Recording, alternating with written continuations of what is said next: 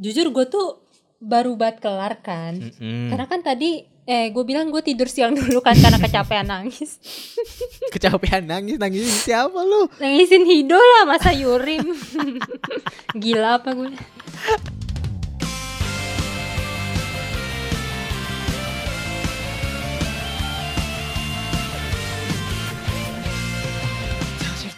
Pas waktu si Yijin tahu-tahu ngotot bilang, "Tunggu, eh, aku ikut gitu kan, pengen mastiin dulu dia orangnya baik apa enggak gitu."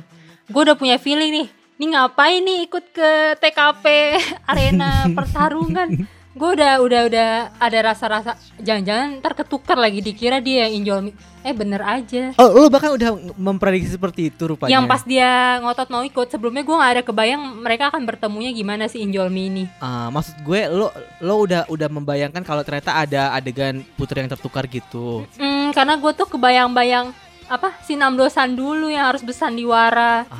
dia sebagai apa kenalannya si Suzy kan Dalmi. Dalmi gue sampai lupa Iya, iya, iya. Bukan eh, eh, oh ya oh ya oh ya benar-benar enam dosan ya. Makanya itu yang membuat enam dosan dibenci masyarakat. iya karena di, dibilang dia mengambil apa jodoh orang Mengambil jodoh orang. Nggak itu mah emang Han Ji Pyongnya aja yang gak gerak. Tapi ini kalau misalkan gara-gara Injolmi Injolmi ini nanti dia akan dibenci masyarakat lagi, ada dua kemungkinan sih. apa tuh Yang pertama eh, masyarakat yang membenci itu alhamdulillah akhirnya nonton dramanya ya kan. Jadi mereka emang nonton untuk membenci eh, enam dosan. yang kedua eh, gue gak berharap akan terjadi itu waktu itu. Jadi kayak gue merasa agak kesal gitu. Hmm, Kenapa skenario nya dibuatnya kayak gitu? hmm. Maksudnya awalnya tuh gue kira kayak ya udah eh, kalau misalkan mau ada kesalahpahaman antara eh, Hido sama Yurim soal yang Injolmi dan Rider ini ya udah gitu karena fakta bahwa teman chatnya Yurim itu adalah Hido aja kan sebenarnya bikin Yurim pun pasti bakalan berkontemplasi dan bakalan mikir banyak banget kan gitu. Hmm. Jadi menurut gue itu aja sebenarnya udah sebuah konflik yang eh, yang cukup apa ya tajam lah bisa dibilang gitu karena gimana ceritanya nih dua orang musuhan di dunia nyata tapi di internet tuh malah temenan gitu kan. tiga tahun pula Iya makanya udah lama lagi kan. Nah makanya itu ya sebenarnya udah udah udah cukup lah untuk untuk dijadikan sebuah konflik. Makanya ketika tiba-tiba si Yurim ngasih bunga kayak, aduh gue agak lebih ke yang kayak Ih, males deh sama yang kayak gini lagi gitu. Dan gue nggak Mhm. ngebayangin startup sih jujur, tapi kayak gue males aja. eh, maksudnya ini tuh jadi jadi dipanjang-panjangin gitu sebenarnya. Jadi kayak ah gila sih gitu twistnya gila sih tapi gue berharap aja sih eh maksudnya selama ini kan Yijin juga udah cukup menunjukkan kedewasaan dia kan dalam bersikap gitu kan Hmm. dan di episode 8 itu juga Hido melihat itu gitu kayak dia udah dewasa dia bilang kayak ya lo udah dewasa lo baca koran segala macam sementara gue cuma Minder ya. stiker gitu kan jadi Hmm. gue merasa sih eh Yijin tidak akan membuat itu sebagai sesuatu yang apa ya kayak berlarut-larut gitu. Hmm. Karena Hido sendiri pada akhirnya berekspektasi tinggi kan kayak oh dia mikir beneran ternyata beneran si Yijin gitu. Dan gue Iya yakin soulmate gue nih Iya makanya dan gue yakin kayak ya Yijin yakin sih mungkin Hido adalah soulmate dia tapi nggak dengan kesalahpahaman ini caranya gitu. Jadi Mm-mm. gue merasa Yijin sudah cukup dewasa untuk bisa me- membuat Yurim untuk menyelesaikan permasalahan ini secara ya secara mature gitu karena kan di episode 8 juga disebutkan kayak oh lo tahun depan udah umur 20 ya yang kayak gitu kan udah udah udah Hmm. udah menggambarkan bahwa kita sudah siap untuk memasuki fase berikutnya gitu. Jadi gue rasa sih semoga ini tuh nggak nggak dipanjang lebarin sih menurut gue. Kalau lo gimana tuh melihatnya? gue akhirnya ngintip preview kan soalnya kan gue udah jadi tim no preview juga gara-gara lu kan cuman saking penasarannya gue intip ah Cuma kayaknya emang gak akan lama-lama sih. Kayaknya di episode selanjutnya tuh udah kebongkar gitu kalau eh, itu tuh salah paham. Injolmi itu sebenarnya Yurim gitu. Dan Hmm. kayaknya ada scene Hido marah-marah juga. Soalnya mungkin ini tuh apa ya di awal tuh si Yin itu kayak nggak nggak sampai hati nggak sempet untuk langsung bilang enggak bukan gue. Gara-gara sebelumnya kan dia juga bikin si siapa? Hido kesel kan. Jadi dia Mm-mm. kayak aduh gimana nih ntar makin berapi-api lagi yaudah deh tunggu dulu pelan-pelan ngasih taunya kayaknya gitu doang sih Hmm, Atau mungkin juga karena eh, apa sengaja aja buat cliffhanger di ending episode kan biasanya gitu nanti pas di episode awal episode selanjutnya baru kan dikasih yang versi lebih lengkapnya gitu kan apa yang terjadi Iya. dan eh, apa resolusinya akan seperti apa Ya, gitu. soalnya Ijin kayaknya tipe orang yang cukup belak-belakan kan. Dia bukan tipe yang apa? Bukan namdosan lah yang Iya, takut iya, atau iya. bermulut manis gitu. Iya betul betul dan gua rasa dia eh, tidak akan mengambil risiko untuk dibenci masyarakat sih. Tapi sebelum kita masuk ke episode 8 lebih jauh lagi nih episode 7 eh, gue sampai sekarang sih sebenarnya masih menyimpan dendam sama episode 7 sih. Kayak Huh, itu bener-bener sih episode 7 itu sepanjang malam kerjaannya cuman menggerutu doang dan gue nonton mood gue lagi jelek pas nonton itu. Pas banget, lagi jelek banget, pas banget nonton itu lagi jelek banget. Hmm. Dan ngelihat si Yurim nih wah makin terjerumus aja nih kan ke jurang neraka gitu kan dengan sikap dan sifatnya gitu. Wah gila nih beneran ahli neraka banget nih cewek gitu kan. Dan gue sepanjang malam nonton itu tuh beneran kayak isinya Twitter gue cuman ngumpat Yurim doang gitu. Kayak Hmm. apa sih apa sih gitu kayak kok bisa eh, apa orang ini tuh se se se sebebel itu gitu se se nggak sensitif itu se yang kayak wah. Dan kontras dengan Hido yang benar-benar dibikin jatuh kan di em, episode 7 kan. Iya, iya, Karena iya. itu adalah kompetisi internasional pertama dia eh, Asian Games pertama dia dan medali emas pertama dia. Terus banyak banget tekanan yang kayak mulai dari masyarakat yang orang luar gitu netizen dan segala macem belum lagi ibunya gitu kan yang Hmm. bacain berita dan segala macem. Eh, untungnya sih dia masih tetap disupport sama Yijin dan orang terdekat yang lain sih. Kayak Iya. siapa tapi yang terdekat yang lain ya? Nggak ada ya cuman si wasit doang sih ya. Terus eh, tapi itu sih kayak Yurim nih kenapa gitu? Makanya gua ketika masuk episode 8 jujur net gua agak kesel. Karena kenapa di episode 8 seolah-olah kita sudah di- udah udah dibuat lupa dengan kejelekan-kejelekan Yurim di episode 7 gitu. Kayak Hmm, hmm, episode 8 tuh beneran kayak episode cuci tangan buat Yurim banget. Iya, kayak iya, gue kesel kayak gue pengen episode 8 ini dia ya udah kalau emang lo mau dibuat nyebelin sekali aja nyebelin sampai episode 16 gitu. Nggak jadi sekotong mereka. Tapi emang ininya penulisnya lihai banget sih. Kayak di episode 7 tuh kita benar dibuat sekesel itu sama Yurim sampai pengen nebas kepala dia pakai pedang. Cuma begitu masuk episode 8 tuh kita kita nggak bisa nggak kasihan ke dia sih kayak apalagi pas di kolam renang gitu. iya iya iya jadi bingung kayak kemarin tuh gue baru marah-marah sama orang ini terus tiba-tiba dia ada di titik terendah dalam hidup dia gitu kan Mana dia kebiasaannya ini banget deh, aneh banget kayak kalau lagi galau tuh nangkring di ketinggian kayak kalau misalkan ini sinetron Indonesia tuh gue langsung suzon nih anak bakal meninggal tuh jadi kunti tuh gak? ada adegan di film horor Indonesia yang judulnya Sunyi itu tuh meninggalnya di situ di, Di ketinggian tempat, gitu? di iya di tempat di, di kolam renang pas Oh. lagi mau lo, pas lagi mau loncat terus dia kepleset terus mendaratnya nggak mulus akhirnya meninggal. Ya Allah serem banget. Untung ini beda genre ya pak. iya ya. Dan di situ kelihatan banget juga kan akhirnya ternyata Hido gimana pun juga tuh masih peduli gitu. Iya. kayak walaupun dia disakiti seperti apa pun juga tetap masih tetap peduli gitu. Nih anak tuh sebaik itu. Gue Wah parah sih episode 7 itu. Menurut gue episode tersedih sih. Kayak gue tuh udah gak bisa nangis yang bermartabat lagi. Kayak udah jelek banget lah gue nangisnya. Apalagi yang pasin ini loh Kan kita udah ditanami nih betapa malangnya ini anak Mulai dari yang dia mengenang ayahnya dulu Terus di saat dia ngelihat si Yurim itu ada ayahnya yang jemput dia, terus habis itu eh, masyarakat tuh ngebelain dia. Habis itu siapa lagi sih? Pokoknya semua orang deh ke Yurim gitu. Yurim tuh punya banyak orang yang nge-support dia, sedangkan dia kayak giliran si Yijin pun satu-satunya yang bisa diandalkan saat itu. Yijin kan emang nggak bisa mulut manis ya. Kayak dulu waktu pertama kali dia kesal sama si Yurim, si Yijin kan nggak bisa kan ngomong, iya Yurim yang salah. Dia tuh nggak bisa kayak gitu gitu. Dia tuh kayak apa ya? eh, cara dia menenangkan orang tuh beda gitu dengan caranya si Jiung yang mulut manis ke apa bikin Yurim ketawa. Tapi gue senang banget ya waktu akhirnya dia di restoran ketemu sama geng kakek-kakek random itu. iya iya iya iya Wah itu kakek-kakek pengen gue pelukin satu-satu. Iya iya iya iya. Kayak gue sempat ngomong sama temen gue kayaknya si kakek-kakek ini eh, veteran atlet deh yang jadi cameo gue bilang gitu. Mm.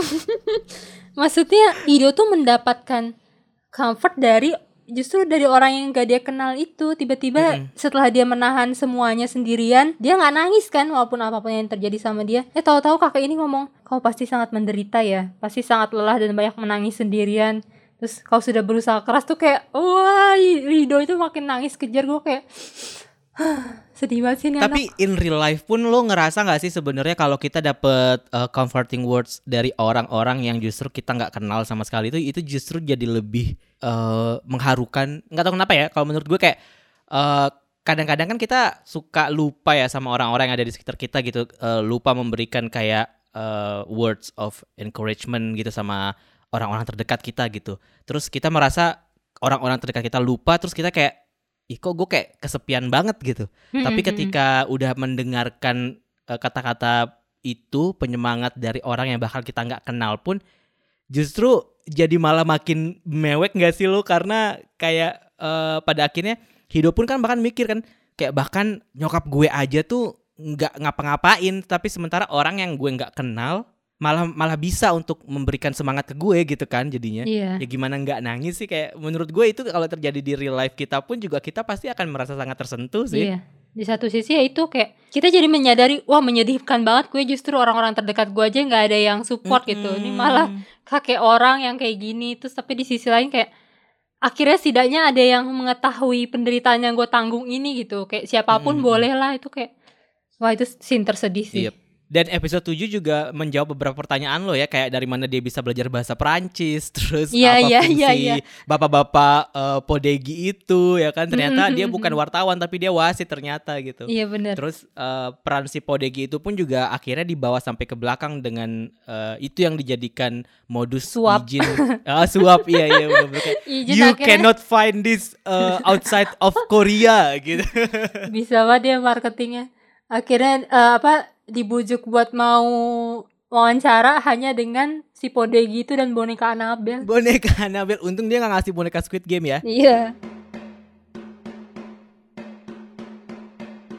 Dan gue sukanya lagi yang di episode 7 itu karena mereka em, memulai untuk menyelami si bapaknya Hido gak sih? Mhm. Dan ini gue lupa di episode 7 apa episode 8 ya yang Oh ini episode 8 awal episode 8 Yang Mince ngomong eh, yang dia nonton videonya Ah. Yijin yang video lamanya Yijin terus disamperin sama neneknya kan bilang kayak lo ngapain Iya. nonton video lama gitu.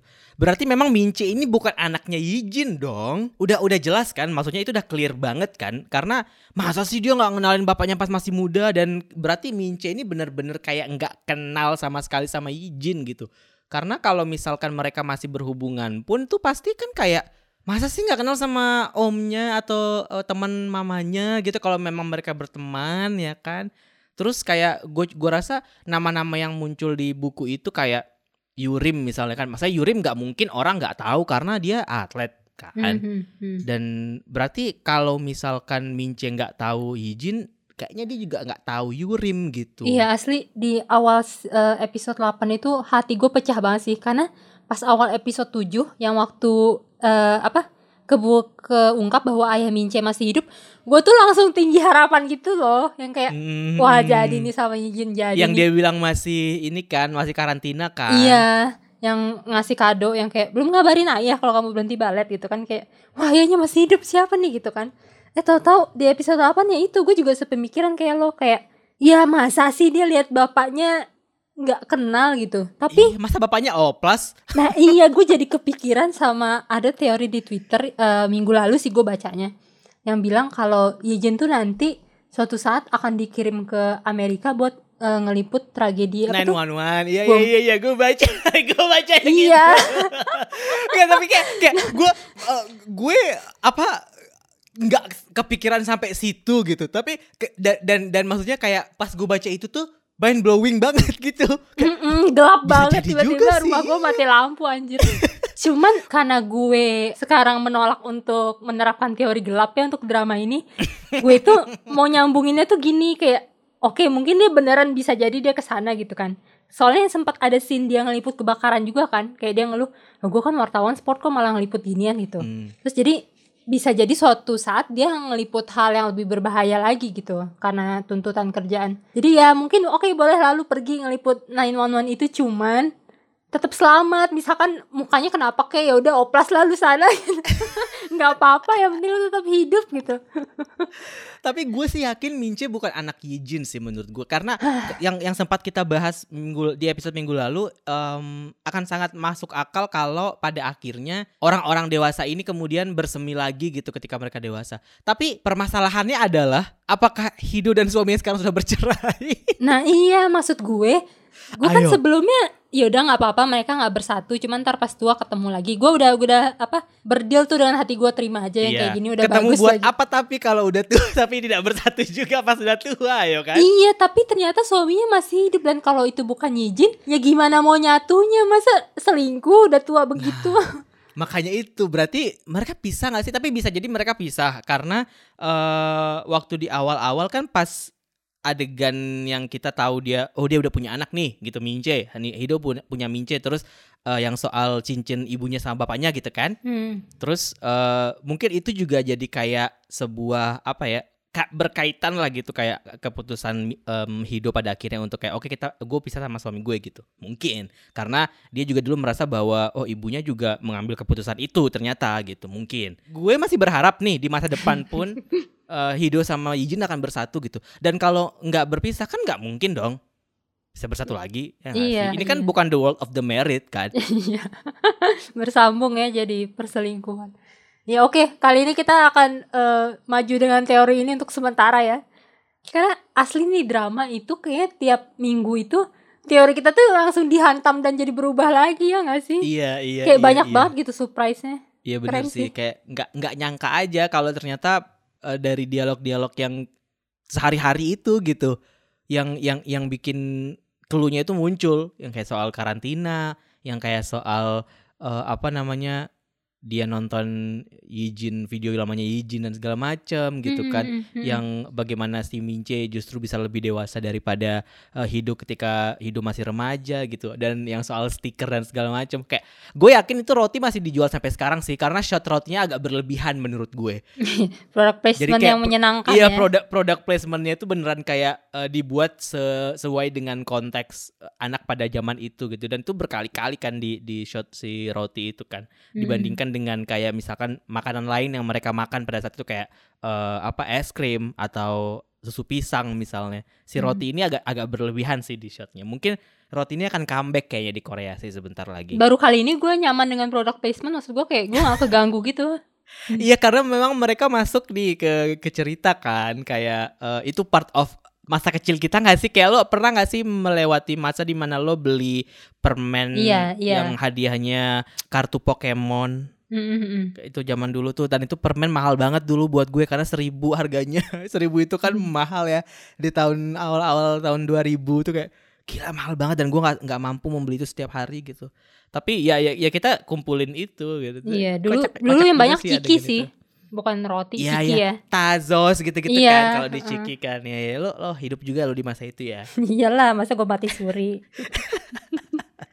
oh, terus yang sempat gue eh, tinggi harapan pas di episode 7 itu waktu ini loh, kan dikait-kaitin. Hido kecil tuh bilang seolah-olah tuh mereka tuh di luar negeri Prancis itu gara-gara nyokapnya jadi wartawan di sana kan, koresponden gitu. Mm-mm, Berarti nanti eh, bapaknya Ayahnya. baru pulang dari luar negeri juga ternyata Mm-mm, kan. ayahnya Iya. Mince jangan-jangan reporter juga nih kayak Iya, si Yijin iya, kayak uh-uh. wah bener nih mainin perasaannya jago banget. Tapi menurut gue eh, ya itu bener mungkin teorinya suaminya Hido adalah reporter, bapaknya Mince adalah reporter tapi bukan Yijin. Karena ya sepanjang karirnya Hido sebagai atlet kan pasti nggak cuman Yijin dong yang meliput dia di setiap kompetisi kan, pasti ada Mm. orang-orang yang akan dia ketemu gitu.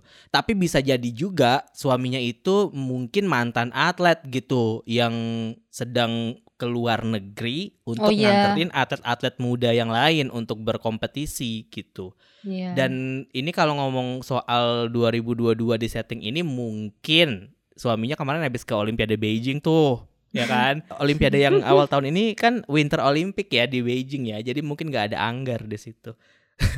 jadi mungkin jadi mungkin nggak masuk konteksnya, tapi ya anyway mungkin gitu juga bisa jadi. Kita lihatlah apa yang akan terjadi dengan bapaknya Mince Ya, ini. gua rasa sih di titik ini kayak ya udah gitu. Kalau gue sekarang kayak ya udah kalaupun misalkan Mince beneran anak tuyul juga nggak apa-apa gitu. Kalau dia misalkan dia bukan anak Yijin pun juga nggak masalah deh gitu. Iya. Cuman beberapa fakta yang dibeberkan ini tuh membuat gue jadi penasaran nanti terus abis itu setelah kita terombang-ambing dengan kebaperan selama 8 episode ini sama Ijin sama Hido, apa yang harus kita antisipasi dong dari hubungan mereka? Ya nggak sih di masa depan Iya. kayak kalau pada akhirnya mereka tidak bersatu, terus gimana gitu?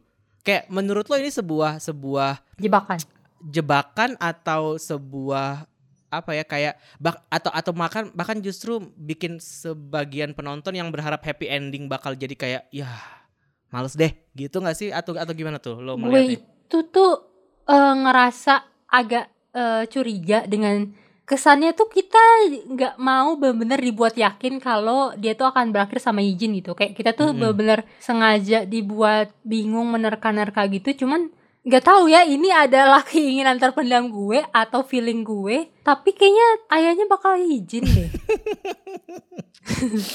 atau mungkin bisa jadi itu bukan anak Yijin. Cuman eh, misalkan dulu Hido udah sempet sama cowok lain punya anak, cuman sekarang itu dia udah nikah lagi tuh sama Yijin. Jadi Yijin itu memang bukan ayahnya Mince, cuman dia adalah bapaknya Mince sekarang. Ngerti gak lo maksud gue? Iya iya iya iya. Tapi tetap aja tetap aja nggak masuk akal ketika Mince nonton video lamanya Yejin dia tidak berekspresi bahwa itu adalah orang yang dia kenal. Dia berekspresi bahwa itu adalah Yejin dari buku harian ibunya gitu, bukan Yejin yang jadi bapak tiri gue. Ngerti gak? Iya kan? Jadi aneh, jadi nggak masuk akal gitu jadinya.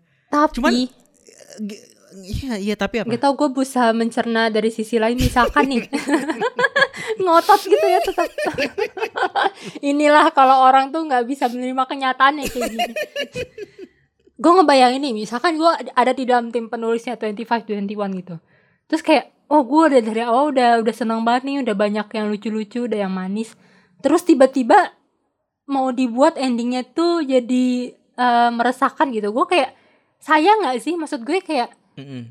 buat gue dan mungkin ada sebagian orang yang lain kalau ending itu drama eh, sedih atau nggak menyenangkan buat gue gue akan males gitu buat nonton ulang apa walaupun dia awalnya bagus atau lucu tapi karena gue udah tahu ini akhirnya bakal sedih gue jadi kayak ngapain sih gue mengulang penderitaan gue gitu Iya iya iya. Gue iya, tuh iya. berharapnya tuh dia itu tuh dengan dengan apa vibe vibe yang sama kayak eh, reply series itu kan moodnya sama ya masa-masa Mm-mm. muda yang lucu endingnya pun mereka nggak ada yang sedih kan kayak semua Mm-mm. berakhir bahagia kecuali untuk orang yang salah kapal gue Mm. sih pengennya kayak gitu gitu jadi kayak begitu suatu saat ini kelar kita kayak pengen nonton lagi tuh kita menjadikan ini tuh sebagai suatu kenangan yang indah gitu kayak ah gue mau Hmm. nonton mereka lagi ah gitu iya iya iya iya. Atau mungkin bisa jadi juga nih sebenarnya apa yang ditampilkan di masa depan yang Hido dewasa dengan neneknya dan dan Mince dengan akhir cerita di masa lalu ketika mereka berusia 25 21 bisa jadi sebenarnya nggak berhubungan.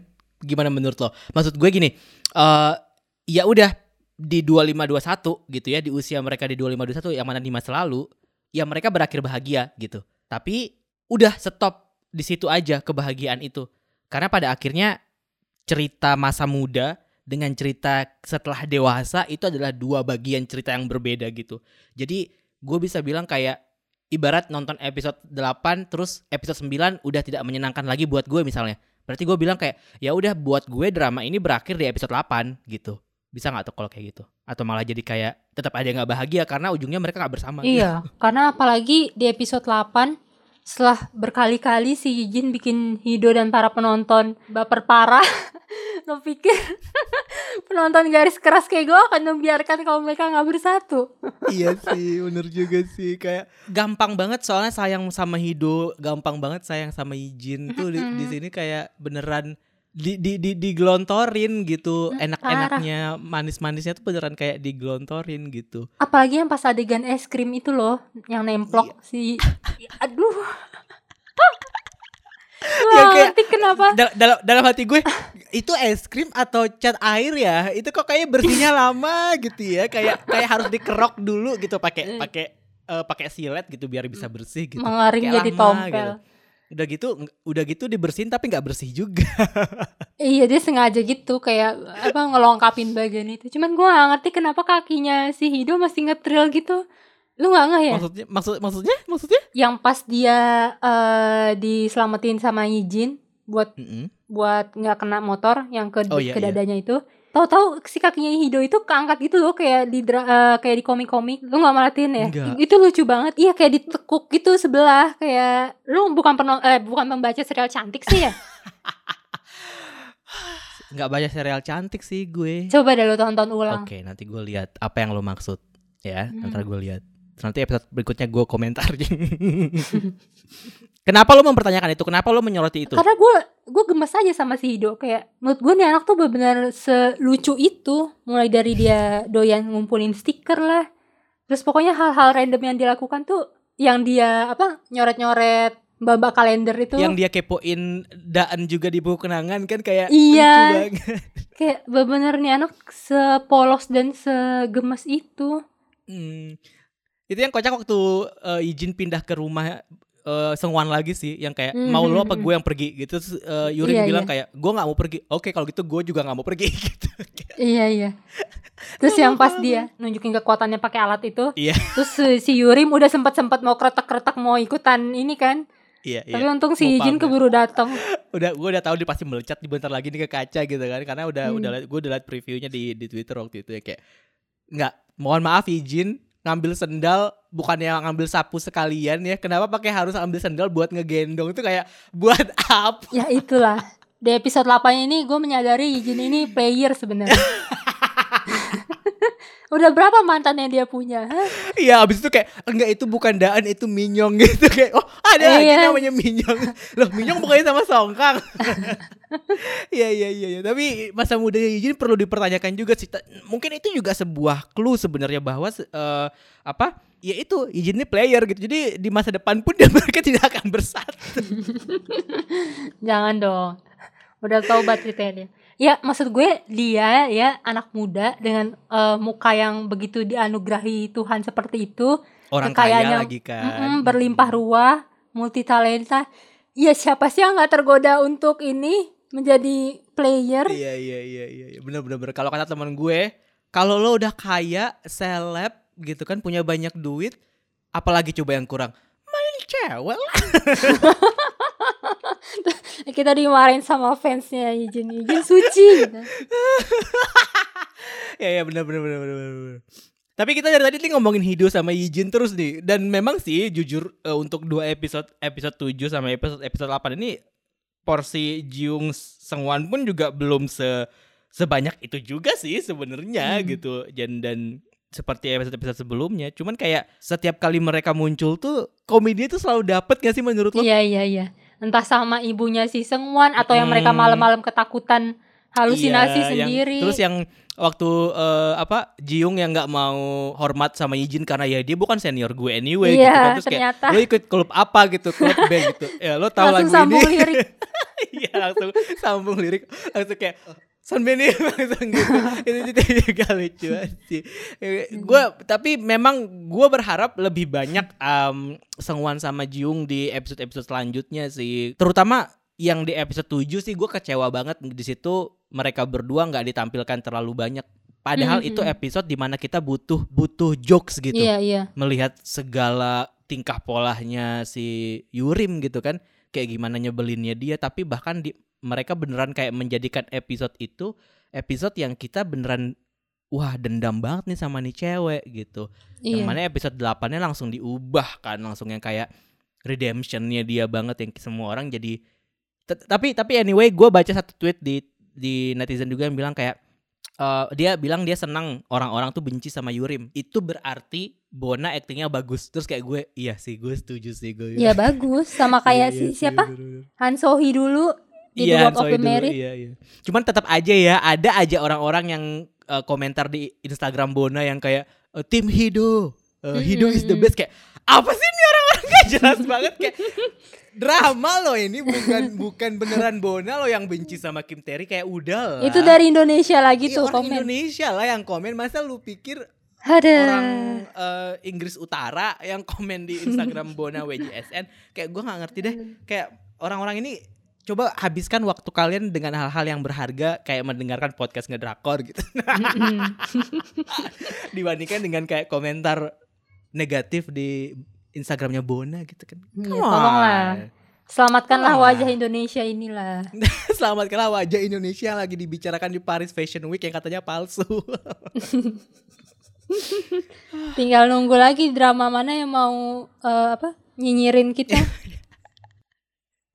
ya pokoknya momen Jiwung sama Sungwan akan selalu gue nantikan sih di episode-episode selanjutnya. Tapi gua gua gua sejauh ini masih menyimpan sentimen buruk. Ya sentimen pasti buruk gak sih? Masih menyimpan eh, kekesalan sama Yurim sebenarnya. Dan Hmm. ending episode 8 pun masih kayak bikin gue kayak apa sih ini orang udah nggak sportif terus pengecut lagi. Kayak Mhm. hadapi aja nggak sih kalau emang itu Mhm. hidup? Haja, hadapi aja nggak sih? Toh selama ini juga tiga tahun lo nyaman gitu maksud gue kayak "Hadi, kenapa dia harus ngasih bunga itu ke eh, Yijin dan menambah masalah lain? gitu maksudnya. Mhm. kayak bikin Yijin tuh jadi jadi makin terjepit gitu kayak ah emang sini cewek emang butuh rukyah gue rasa sih. Iya padahal yang pas dia dijemput bapaknya itu kan Gue karena masih kesel banget Gue langsung nyerocos dalam hati Pak, pak, nasehatin tuh anak lu pak. Iya Itu kan? sebenarnya bapaknya kan kan kayak wise banget. Iya bapaknya padahal baik gitu Maksud gue. Gak ada yang maksa dia untuk dia harus jadi dapat emas Atau bertingkah yang sombong atau gimana. Cuman ini anak tuh kenapa? Emang emang pada dasarnya mentalnya dibuat selemah itu kah Atau gimana? Gue gak ngerti deh Kayak Hah Menghadeh-hadeh Ya, gue. terus ada juga waktu itu yang waktu episode 7 yang rame-rame episode 7 banyak banget yang nggak suka sama Hido gara-gara eh, apa mereka lebih ngedukung Yurim karena Yurim miskin gitu tuh. Iya cantik miskin miskin privilege itu kejadian ya. Kayak wah ini quote-nya Indra Ken semasuk banget nih miskin privilege. Karena sebagai mantan orang TV gue sadar banget sih kayak cerita-cerita story perjuangan orang miskin apalagi kalau dia sampai good looking kayak gitu tuh itu menjual banget sih bikin orang jadi mudah terharu dan mudah simpatik. Padahal dia nggak tahu aja nih anak hatinya keruk bin kotor gitu. kan ahli kayak neraka ya? dibilang juga. Masyarakat tuh terlalu mudah ngejudge sih dari apa yang dilihat sama media dan medianya juga kayak ya mengcover apa yang mau dilihat aja yang bagus buat rating gitu. Padahal si Hido nih mereka tuh nggak tahu apa yang udah Hido lakukan juga untuk sampai sejauh ini. Maksud gue kehilangan ayah yang segitu sportif dari dia kecil terus eh, nyokapnya begitu yang dinginnya nggak pernah eh, nge-comfort dia itu juga sebuah beban yang harus diperhitungkan loh untuk menjadi Hido yang Hmm. sekuat ini. Dan dia punya beban baru loh sekarang dia disuruh ngejauhi reporter. Oh iya. Oh iya. Gimana dong? Tuh kan, itu sebuah tanda mereka tidak akan bersatu nggak sih? Berarti fix suaminya Hido di masa depan tuh bukan reporter berarti. Wasit. Em, tukang jaga komik. Nah, kan tetap izin kan jadinya.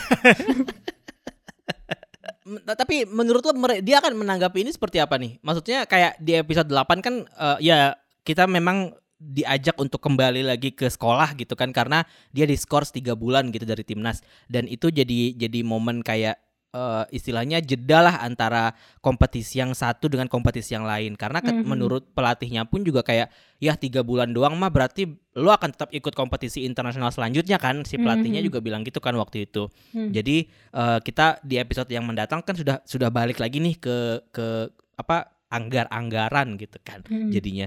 Nah, berarti itu pun akan akan lebih fokus lagi ke eh, hubungan antara si atlet dan si reporter nih yang yang udah dilarang sama pelatihnya. Menurut lo Hido akan seserius apa menanggapi eh, hal itu? Enggak sih. Soalnya menurut gue Hido itu bukan anak yang takutan gitu loh kayak apalagi di ending episode 8 kan dia udah sampai mendeklarasikan gitu kan aku harus memilikimu gitu kan.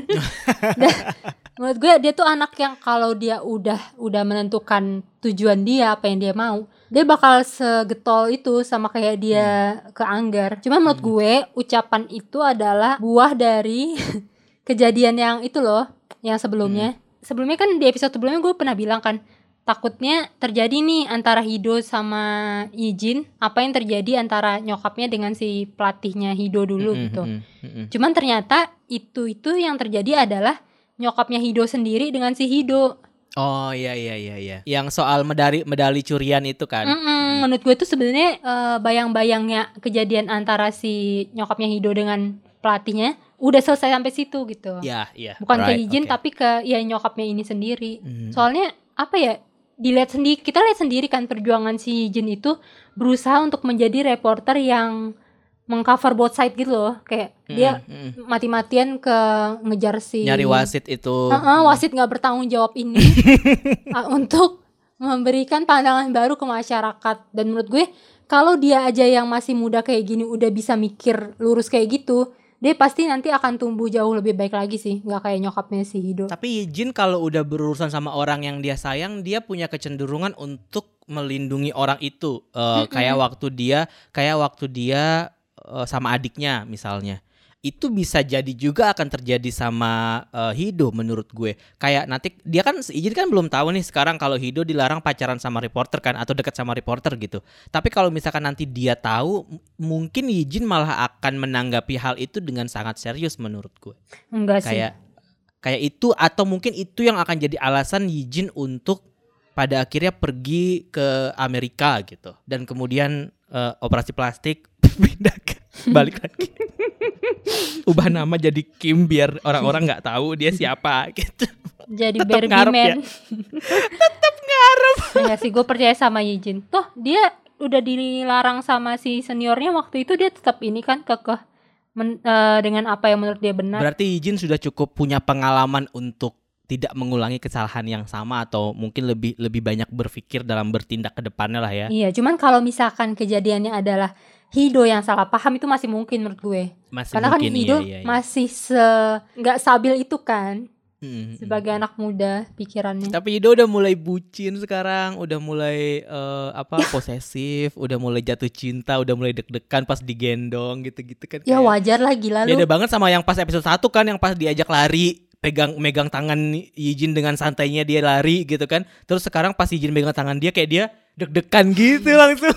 Tapi memang dari episode sebelumnya kita udah dikasih lihat kan kayak pertama kalinya deh tuh kayaknya yang di atas mobil itu Hido tuh mulai sadar apa kalau dia tuh emang ngerasanya tuh berbeda ke Yijin waktu Yijin bilang lu mesti cinta sama orang itu dulu supaya lu tahu rasanya perpisahan gitu Hmm. dan cuman gue agak gak nyangka sih di episode 8 ini bener-bener digelontorin segitu banyak tanda-tanda apa Hido mulai perlahan-lahan mengenali perasaannya Iya, iya, yang dia mulai perhatiin penampilannya lah yang dia malu kan pas dia lagi ngejen ke alat itu tuh tau Yijin datang Aku tidak sabar melihat mereka menghabiskan waktu berdua, tapi juga tetap khawatir dengan masa depan mereka berdua. Mm-mm. Tapi apa pun yang terjadi, gue sih tetap dengan uh, prinsip gue yang ke- yang gue bilang di episode sebelumnya bahwa mereka bahagia di tahun di masa lalu ini aja juga nggak apa-apa deh gitu.